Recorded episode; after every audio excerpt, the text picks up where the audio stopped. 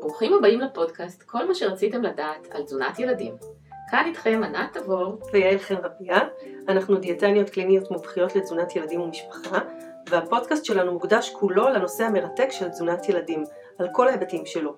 חשוב לנו להגיד שהפודקאסט הוא ממש לא על דיאטה לילדים, ועם הזמן תוכלו להבין שאנחנו לגמרי נגד דיאטות במובן העצוב והישן, ולא מאמינות בהן. לתפיסתנו בריאות רגשית וגופנית שזורות זו בזו ולא ניתן להפריד ביניהם. אנחנו מאחלות לכם האזנה נעימה, מעניינת ומועילה. היי לכם, אנחנו שוב כאן אה, בפודקאסט שלנו, אני ענת תבור ו... יעל חן רביה, מה שלומך ענת? בסדר גמור. אנחנו נדבר היום על נושא שבאמת אני חושבת המון הורים אה, מתמודדים איתו, בעיקר אה, בשנים האחרונות איכשהו לדעתי חלה עלייה בנושא הזה, וזה עניין של בררנות באכילה. אולי נתחיל עם סיפור, ואני אספר איזשהו סיפור מהקליניקה, ככה לתת תקווה לכל מי ש... יאללה, לכי על זה, אוקיי, אז בואי תספרי. טוב, אז אני אספר על uh, uh, מקרה שבאמת הוא נחרט אצלי uh, בצורה משמעותית של אימא לנער שהתקשרה אליי שהוא היה כבר בכיתה י' וסיפרה לי שמאז שהוא היה תינוק הוא אוכל מגוון מאוד מצומצם של מאכלים. אפשר להגיד יותר מה הוא לא אוכל מאשר מה הוא אוכל, לא ירקות, לא פירות, לא קטניות אמ, לא סוגים שונים של ממרחים. מאוד מאוד מצומצם בתזונה שלו, בעצם תזונה שמבוססת על פחמימות, על קצת גבינה צהובה, סוג אחד של מנת בשר וככה, אה, והיא שאלה אם אני, אם, אם אני חושבת שאני יכולה לעזור לו. אז אני אמרתי לה שזה מאוד תלוי אה, במוטיבציה שלו, ושזה משהו ששווה לבדוק אותו בשיחה ראשונית. אני קופצת לסוף הטיפול שנה אחרי, אה, אחרי באמת תהליך מאוד מאוד מאוד אה, מעמיק ופורה שעברנו יחד. כיום הוא חייל דרך אגב, וואו. והוא בסוף השנה הזאת אכל ירקות, קטניות, דגנים מלאים. וואו. בוא נגיד ש... חוץ מאשר אה, אה, פירות, שזה באמת היה איזשהו משהו כזה שנשאר לסוף, לסוף, לסוף, וגם אותו הצלחנו להכניס בצורה מאוד אה, מסוימת לתפריט שלו, אה, הוא אכל את כל סוגי המזונות ומכל קבוצות המזון, ובאמת אה, אני חושבת שזה אה, צריך לתת אה, תקווה להמון הורים, כי מה שישב שם בבסיס של האכילה הבררנית אה, היה גם משהו שהוא מאוד, הוא גם רגשי אבל גם חושי, שאנחנו יודעות שזה ממש משהו פיזיולוגי, ועובדה, כשיש מוטיבציה ויש דרכים לעשות את זה, אז מצליחים. איזה יופי. וזה הסיפור שלי. סיפור נהדר, ואני חייבת להגיד שאת לא היחידה ש... שניגשים אליה לדברים כאלה, וגם אני מקבלת הרבה מאוד פניות שכאלה בכל גיל, זה יכול להתחיל בגיל מאוד מאוד צעיר, וזה יכול להגיע אליי גם, אה, גם אפילו אה, ממש בגיל 17-18 שפונים ומנסים אה, לשפר. וכן, יש תקווה, זאת אומרת, צריך לעשות פה איזושהי עבודה מעמיקה, ואז זה עובד. ולאו דווקא עם הילדים עצמם, בגיל יותר צעיר, העבודה היא יכולה להיעשות גם דרך ההורים. נכון. אולי נגדיר קודם מה זאת אכילה בררנית, כדי שניישר קו עם הורים שמקשיבים לנו. אוקיי.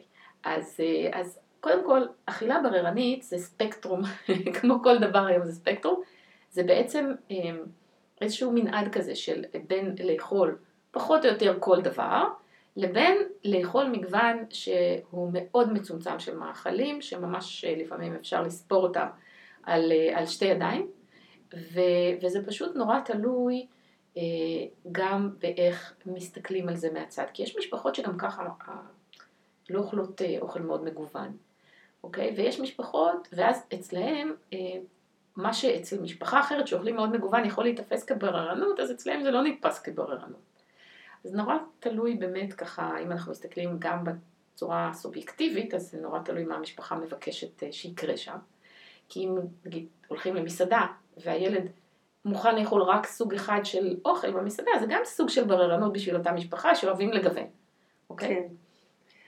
אבל זה גם, זה באמת, יש גם דברים שהם יותר אובייקטיביים. אז בואי תספרי ככה קצת על האובייקטיביות של העניין. נכון, אני, אני התחברתי למה שאמרת עכשיו, באמת, יש הורים שמגיעים ואומרים שהילד שלהם בררן, ואז כשאתה מתחיל לתשאל, אז אתה מגלה שהוא אה, אוכל אה, דג והוא אוכל ברוקולי ופתאום הוא אוכל כל מיני סוגים של מזונות שזה הילד ממש לא בררן, אז באמת אה, חשוב לדעת שההגדרה היא לא, היא לא הגדרה אחידה כיום בספרות. מדובר, כמו שאמרת, באכילה של מגוון מצומצם של מזונות. באכילה בררנית נכנסת גם הקטגוריה של נאופוביה, שזה איזשהו אה, פחד מלנסות דברים חדשים, לפעמים אה, אה, דברים שנאכלו בעבר והילד מפסיק לאכול אותם. קבוצות מזון שלמות שילדים לא אוכלים, למשל ילדים שלא אוכלים בכלל בכלל שום ירק או בכלל בכלל שום פרי או שום דבר שהוא קשור לקבוצה של אה, חלבונים, אז אנחנו גם מכניסים את זה בקטגוריה של אכילה בררנית. כן, כלומר כשיש לנו מצב ש... שיכול להיות שיש מגוון רחב בקבוצות מזון מסוימות, אבל בקבוצות אחרות יש ממש הימנעות מוחלטת. נכון. אני חושבת שהדבר שהכי מדאיג אבל הורים זה העניין הזה של אה, ירקות ופירות, נכון? בדרך כלל, כן. כן. כן. זה גם, האמת שגם שם יש אה, הכי הרבה רואים את הבררנות בקבוצה הזאת. ולא סתם, אנחנו עוד מעט ניכנס לזה טיפה וננסה להבין למה דווקא הקבוצה הזאת, שהיא קבוצה כל כך חשובה בריאותית, היא גם זאת שהיא יותר מאתגרת אולי לאכילה. כדאי שאם יש התלבטות, האם הילד הוא בררן, האם חסר לו משהו, כשהורים שואלים את עצמם את השאלה הזאת, לפנות לאיש מקצוע, זה כרוך בתשאול, בכמה ימים של רישום מזון, ואז ה... תזונאית הקלינית אה, עושה הערכה תזונתית, משווה להמלצות לאותו גיל של, ה, של הילד ויכולה לשבת עם ההורים ובאמת אה, אה, לתת תמונה מלאה אם מדובר באכילה בררנית ואם כן אז מה חסר, מה צריך לעשות וככה. כן, בהחלט רעיון טוב לגשת לייעוץ אם אתם מתלבטים ולא יודעים, כי להישאר עם זה לבד הרבה פעמים לא עוזר, נכון? יש את העצות אחיתופל האלה שנותנים לפעמים אה, שלא צריך לעשות שום דבר, זה יעבור לבד. עכשיו, לפעמים זה עובר לבד, אבל הרבה פעמים אם לא עושים משהו קצת יותר אקטיבי, זה לא משתפר, אלא זה מחמיר עם הזמן. נכון. או להפך, תחשפו, תיתנו, ולפעמים יש מצבים שזה בלחץ. יכול להחמיר. כן, אם, אם לוחצים. אם לוחצים, אם כן. זה משהו תחושתי ואנחנו אומרים להורים אתם לא מספיק דוגמה אישית, אז, וזה לא נכון, זה יכול נורא לתסכל. נכון. אבל אז, אז באמת נסביר להורים מה זה אומר, מה... איזה סוגים של אכילה בררנית יש, על מה זה יושב. אוקיי, אז, אז באמת אה, נצלול לזה טיפה, אה, בגדול אכילה בררנית יכולה לשבת על כמה סיבות. בדרך כלל לא יודעים בוודאות למה, אבל יש לנו כל מיני השערות, אפשר ללכת אחורה ולנסות לראות ברמזים שונים האם זה יושב על דבר זה או אחר. אז דוגמה אחת של אכילה בררנית, מאוד מאוד פשוטה, שדווקא זה משהו שעלול לקרות אה, בהרבה משפחות בלי לשים לב, וזה שלא מגישים פשוט אוכל מגוון אה, מההתחלה. מאוד אה, פשוט. לכאורה פשוט. אני אתן דוגמה, כן? משפחות שככה, הילד אוכל בסדר, מתחילים בהצגת מוצקים וכאלה, הילדים, הילד אוכל בסדר, אבל מכיוון שהוא בדרך כלל מקבל את האוכל שלו בצורה מאוד כזאתי אחידה וחדגונית, אז או שהוא מקבל את אותם מאכלים אה, נניח אצל המטפלת, ואז הוא מקבל בבית את אותם מאכלים, והורים לא יושבים איתו לאכול בדרך כלל, אוקיי? לאט לאט מה שעלול לקרות זה שהוא פשוט לא רגיל לדברים מסוימים, והוא, ברגע שהוא רואה אותם, בנגיד ארוחות משפחתיות אה, גדולות כאלה, שנפגשים כל המשפחה, או יוצאים לאכול מחוץ לבית, או אוכלים אצל חברים, הוא לא מוכן לאכול שום דבר שהוא לא רגיל אליו. למה? כי פשוט לא נחשף. וזה משהו שנדמה לנו טוב, הוא אוכל טוב, אוכל קצת מכל סוג של אה, קבוצת מזון, נכון? אוכל אה, מלפון עגבניה, אוכל מוצרי חלב וכו' וכו', אבל אם יגישו לו ירק שהוא טיפה שונה, הוא לא יאכל אותו, כי הוא לא רגיל. זה מאוד משמעותי בשנתיים הראשונות לחשוף למגוון גדול של של פירות, של ירקות, של, אה, של קטניות כמובן בכל שלב בצורה שאפשר לתת את זה, אבל כמו שאת אומרת לא להינעל על איזשהו משהו שחוזר על עצמו, אלא לאפשר כמה שיותר, אה, כמה שיותר פתיחות עם דוגמה אישית של ההורים, כי בסופו של דבר זה, יש לזה משמעות מאוד גדולה אם אתה מגיש והילד רואה אותך נהנה בעצמך ו- ו- ואוכל את זה מאשר שאתה מגיש ו- ואתה לא עושה את זה. נכון, ממש. זה, אין, יש לנו את מה שנקרא נוירוני המראה במוח, שזה כזה העתק הדבק שילדים עושים, וזה מאוד מאוד עוזר לפתוח לטעמים חדשים כשהם רואים את ההורים נהנים. ו, ובאמת לגבי זה, בגיל, לגבי גיל צעיר, יש לנו מה שנקרא נאופוביה. נאופוביה, נאו זה חדש, פוביה זה פחד, פחד מדבר חדש, שזה משהו שהוא כנראה אבולוציוני. ילדים צעירים בדרך כלל הם, הם יאכלו כל מה שמגישים להם, נכון? בהתחלה, בתחילת הדרך, אלא אם כן יש שם בעיות של ויסות חושי שתכף נדבר עליהם, אבל בדרך כלל יאכלו הכל. ויפתחו את הפה בשמחה, וסתם אני אתן דוגמה, כן, הילדים שלי אכלו באמת כל דבר, כולל גבינת רוקפור בשלה וכל מיני כאלה, שאחר כך הם בגיל קצת יותר מאוחר כבר, זה נראה להם מאוד מוזר, אז פחות אכלו מזה. אבל בהתחלה מוכנים לאכול הכל, ועם הזמן יש לנו לאט לאט איזשהו פחד מדברים לא מוכרים. בהתחלה הם, הם פחות מודעים לחידוש שבדבר, כי הכל חדש להם. אחר כך מתחילים להיות מודעים, והסיבה לזה היא דווקא מאוד מעניינת, כי בעצם, אם תחשבו על זה, אז כן, בטבע בעבר ילדים היו מסתובבים בסביבה, ומנסים, מתחילים להיות עצמאים סביב גיל שנה וחצי, שנתיים, קצת מתרחקים מהאימא.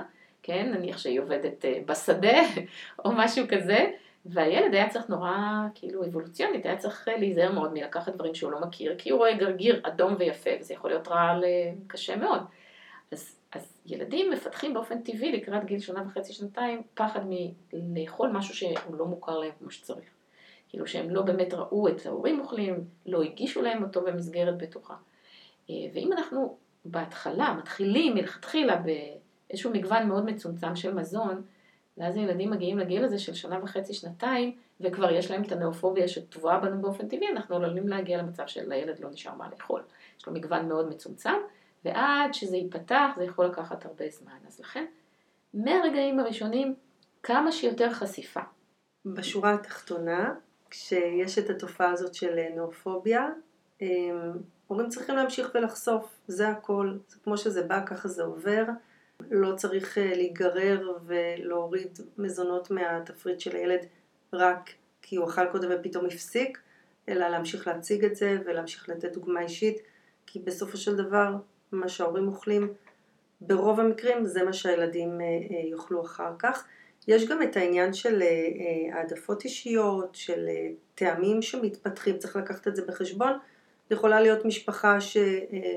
רוב המשפחה תאכל מזון מסוים, ופתאום איזה ילד יחליט שזה משהו שהוא לא לטעמו. וזה לגיטימי, זה בסדר, צריך לדעת אה, לקבל את זה. נכון, נכון. אם ילד למשל לא רוצה לאכול טונה, וכולם אוכלים טונה, זה בסדר, כל עוד הוא אוכל פחות או יותר מגוון רחב של מזונות אחרים מהקבוצה של החלבון, או אוכל דג בצורה אחרת. אז לא צריך להיכנס ללחץ מזה שאו הנה הוא אכל משהו והוריד אותו מהתפריט, פשוט צריך להמשיך להציג את זה. ובאופן כללי הצגת מזונות בארוחות משפחתיות מאוד תורמת לעניין הזה של הרגלים. בכלל אוכל זה עניין של הרגל. וככל שמתרגלים לאכול משהו יותר, בגיל יותר צעיר, אז הוא הופך להיות חלק מה, מהתפריט. סתם דוגמה, הרבה פעמים אנחנו יכולים לראות שמישהו שבא מעדה מסוימת, אז הוא מאוד אוהב לאכול מאכלים שהם אופייניים ומוצגים שם, כן? לא, לא תמיד מציגים את המאכלים הקלאסיים, כן? אבל, אבל אם מציגים אותם, ואם כן אוכלים אותם בהנאה, והילד רואה שכולם אוכלים, אז גם הוא יאכל. נכון, okay? כי למעשה חוץ מאשר טעם מתוק, יתר הטעמים הם נרכשים, וזה ממש אזורים בעולם אפילו שאוכלים מאוד חמוץ או מאוד חריף, וזה מה שילד לומד. נכון, יש לי, יש לי דוגמה, אני חושבת שפעם ראשונה שראיתי ילד ממש צעיר אוכל משהו ממש חריף, זה היה בתאילנד.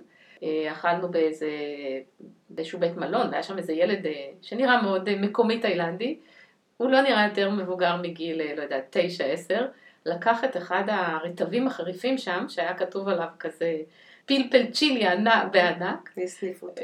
לא איזה הסניף אותו, לקח אותו ופשוט מילא את הצלחת שלו, עשה שלולית של הרוטב החריף הזה. ואמרתי, וואלה, זה בטח לא כזה חריף אם הוא אוכל את זה, שמתי את זה על הצלחת שלי וגיליתי שאני הולכת למות מחריפות ואני אוהבת חריף. אז זה באמת עניין של הרגל והעדפות טעם.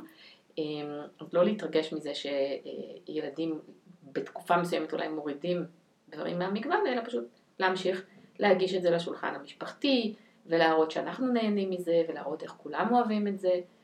מאוד חשוב לעניין הזה של, של לשמר את, ה, את, ה, את הארוחות האיכותיות והטובות, בשביל שהילד, גם בתקופות כאלה שהוא בסוג של נאופוביה, לא ישכח לאכול מאכלים מסוימים. ולשמר באמת את הטעמים היותר טבעיים, הטעמים האמיתיים של המזון. אנחנו יודעים שיש אה, היום בעידן השפע אכילה בררנית, שאין לה שם, אני קוראת לה אכילה בררנית על רקע של עידן השפע. ילדים שהתפריט שלהם מורכב ממאכלים שמאוד מאוד מתוקים או מאוד מלוכים, אה, הרבה מזון אה, מוכן לאכילה כבר. אה, שזה כשלעצמו הופך אותם להיות אה, בררנים. כי ברגע שאין את החומרים המשפרי טעם, מחזקי טעם, והם כבר רגילים לזה, אז הם, אה, הם יסרבו לאכול. והורים נבהלים, כי הילד לא אוכל אז הוא גם לא יגדל, ואז פתאום התפריט הופך להיות תפריט עתיר סוכר, נתרן ושומן רווי. וכמו קסם, כשאתה עושה איזשהו שינוי ומאתגר אותו, אז פתאום הוא נפתח לדברים חדשים. נכון, נכון, זה ממש אה, חשוב כל הנושא הזה של אה, מזון אה, תעשייתי ומוכן. אחת הבעיות איתו זה שהוא בעצם מאוד אחיד בטעם, ואז מקבלים מצב שבו השניצל שאכלת, שאתה אוכל היום, הוא זהה לחלוטין לשניצל שאכלת אתמול, ואתה יודע לצפות את הטעם שלו גם בעוד חודש. טעם והמרקם. והמרקם, הכל ביחד, זה טעם, זה מרקם, זה מראה, הכל אותו הדבר. ריח. זה ריח, נכון, יש מעין אה, אחידות כזאת גדולה מדי בדבר הזה, ומאוד כדאי ללמד שהאוכל בא בצורות וב, ובצבעים ובטעמים ובריחות שונים. ואת אותו שניצל שהם מכינים בבית, אז פעם הוא יותר, אה, טיפה יותר שרוף, ופעם פחות, ופעם הוא יהיה קצת יותר מלוח, ופעם פחות, ואולי פעם יהיה מתובל בצורה מסוימת. ועוד שניצל זה דבר נורא אחיד, כן? אם אני מדברת על מאכלים אחרים, אז אפשר כמובן לעשות שם גיוונים הרבה יותר גדולים מאשר בשניצל. אה, וזה משהו שכדאי אה, מאוד אה, לס...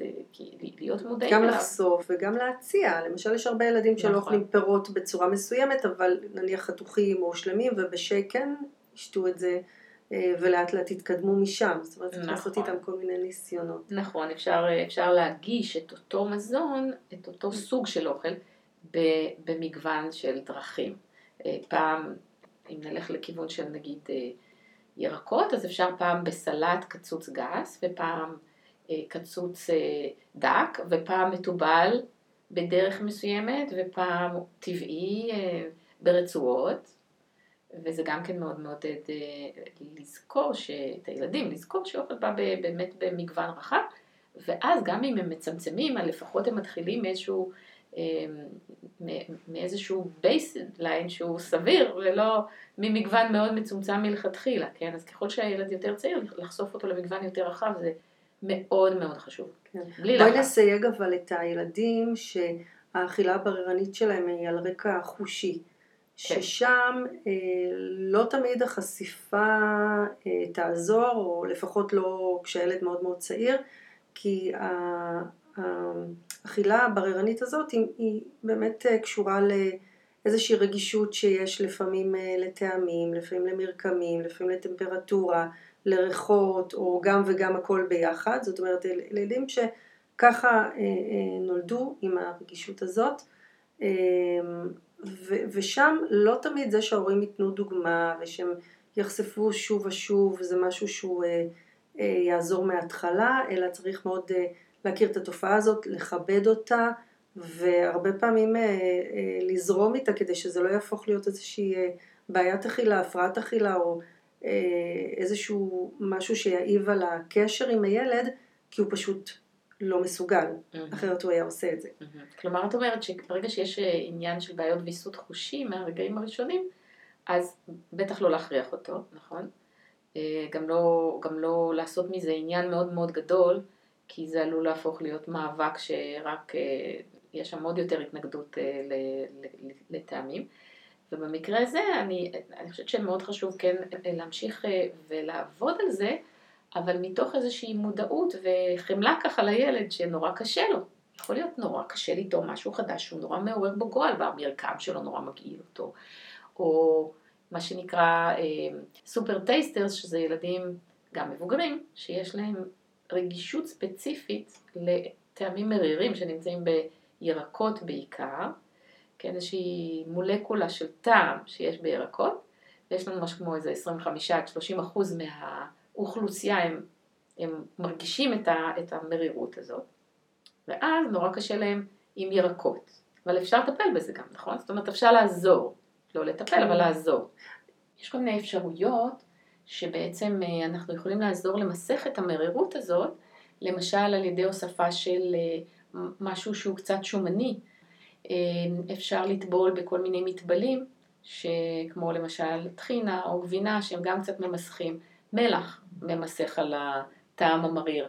אז אם אנחנו נוסיף קצת מלח לירקות, הם ייתפסו פשוט יותר טעימים ופחות מרירים על ידי הילדים.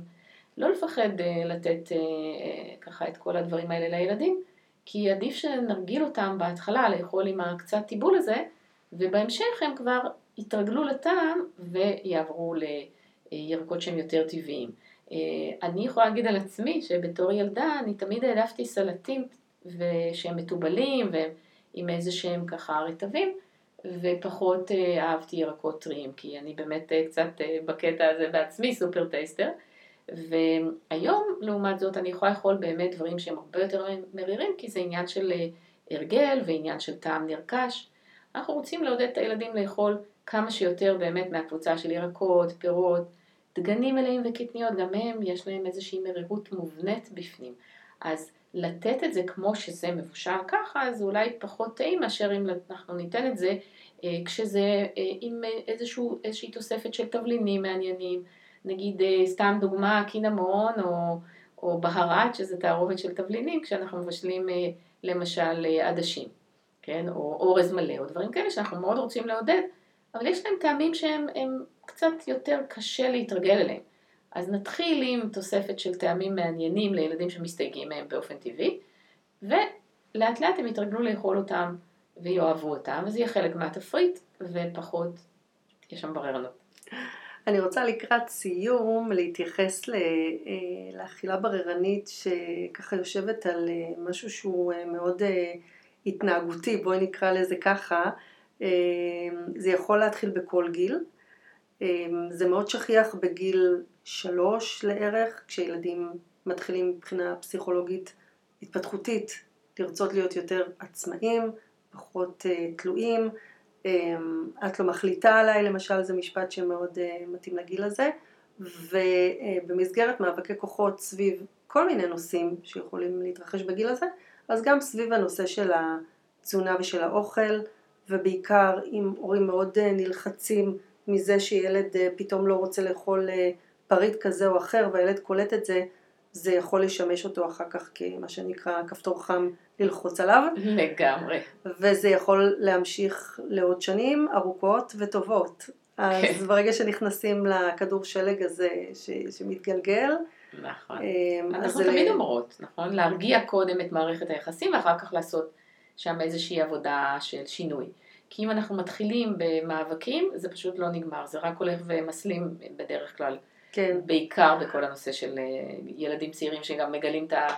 אה, את העצמאות שלהם ורוצים להראות אה, מי פה אומר את המילה האחרונה. כן. אז אנחנו בחלק השני של הפודקאסט באמת נדבר אה, על הטיפול, איך מטפלים כשזה כבר קיים, אבל אם יש הורים שמקשיבים לנו עכשיו, יש להם תינוקות, פעוטות, אז שוב לקחת צעד אחורה, להתייחס בצורה מאוד מאוד עניינית, לפעול במה שאנחנו קוראים אחריות הורי ילד. את רוצה להסביר מה זה אומר? כן, ממש בקצרה, אנחנו נמשיך ונרחיב, אבל הרעיון הוא שההורה מגיש את האוכל הבריא, הטוב, נותן דוגמה אישית טובה, אה, קובע את לוח הזמנים, את סביבת האכילה, וההורה, וה, סליחה, הילד בעצם אה, יושב לשולחן, אוקיי, ו, ופשוט בוחר אה, גם מה לאכול וגם האם לאכול מהדברים שההורה מגיש לו. וברגע שיש לנו מודל כזה נכון יותר של חלוקת אחריות, כל צד לא יודע מה האחריות שלו, אה, בלי מילים כמובן לילד, זה לא שהילד, אנחנו אומרים לו הנה האחריות שלך, אנחנו פשוט עושים את זה והילד מבין מה האחריות שלו, יש שם הרבה פחות מאבקי האכלה, מאבקי אכילה, והנושא הופך להיות יותר רגוע ויותר ניתן אה, לפעול בו, גם אם יש בבסיס בעיות שקשורות לוויסות חושי או בעיות שקשורות להעדפות טעם וכך הלאה. אה, מאוד מאוד חשוב לזכור את זה ששולחן רגוע זה, זה א' ב' של אה, שיפור תזונתי. כן, ועידוד עצמאות, שזה מאוד חשוב בגילאים האלה.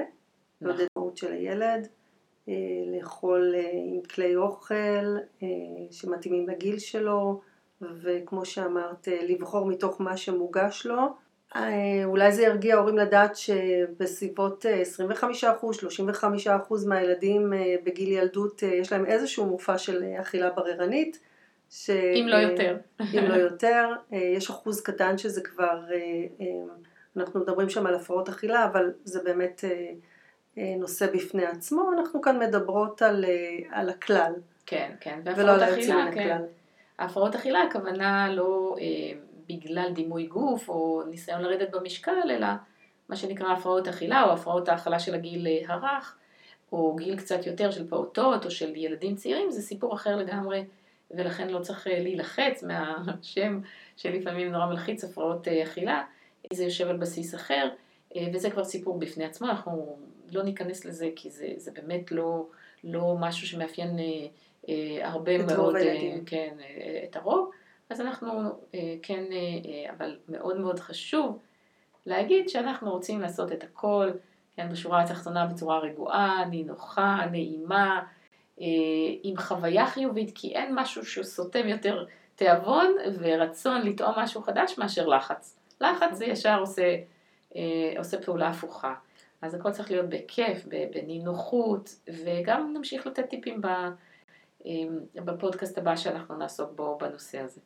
אז בואי נסכם כל מה שדיברנו היום, אז נגענו אה, בתופעה הזאת, קצת אה, הסברנו אה, מה ההגדרה שלה, מה הסיבות שיכולות לגרום לה, אה, ואנחנו קצת דיברנו על מניעה בעצם, איך למנוע את זה.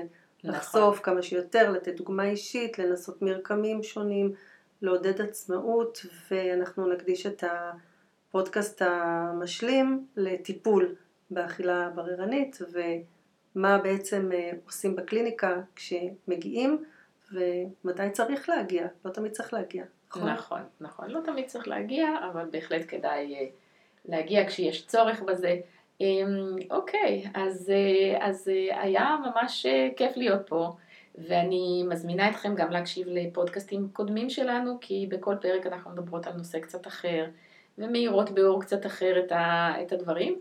אז ממש בשמחה, אה, כנסו, תקשיבו, יש המון מידע, אה, ונשמח גם אם אה, תדרגו אותנו. יש אפשרות לדרג אותנו בתוך הפודקאסט, זה פשוט עוזר לפודקאסט להגיע ליותר אנשים, מעלה את המודעות לקיום שלו, ויכול לעזור לעוד הורים.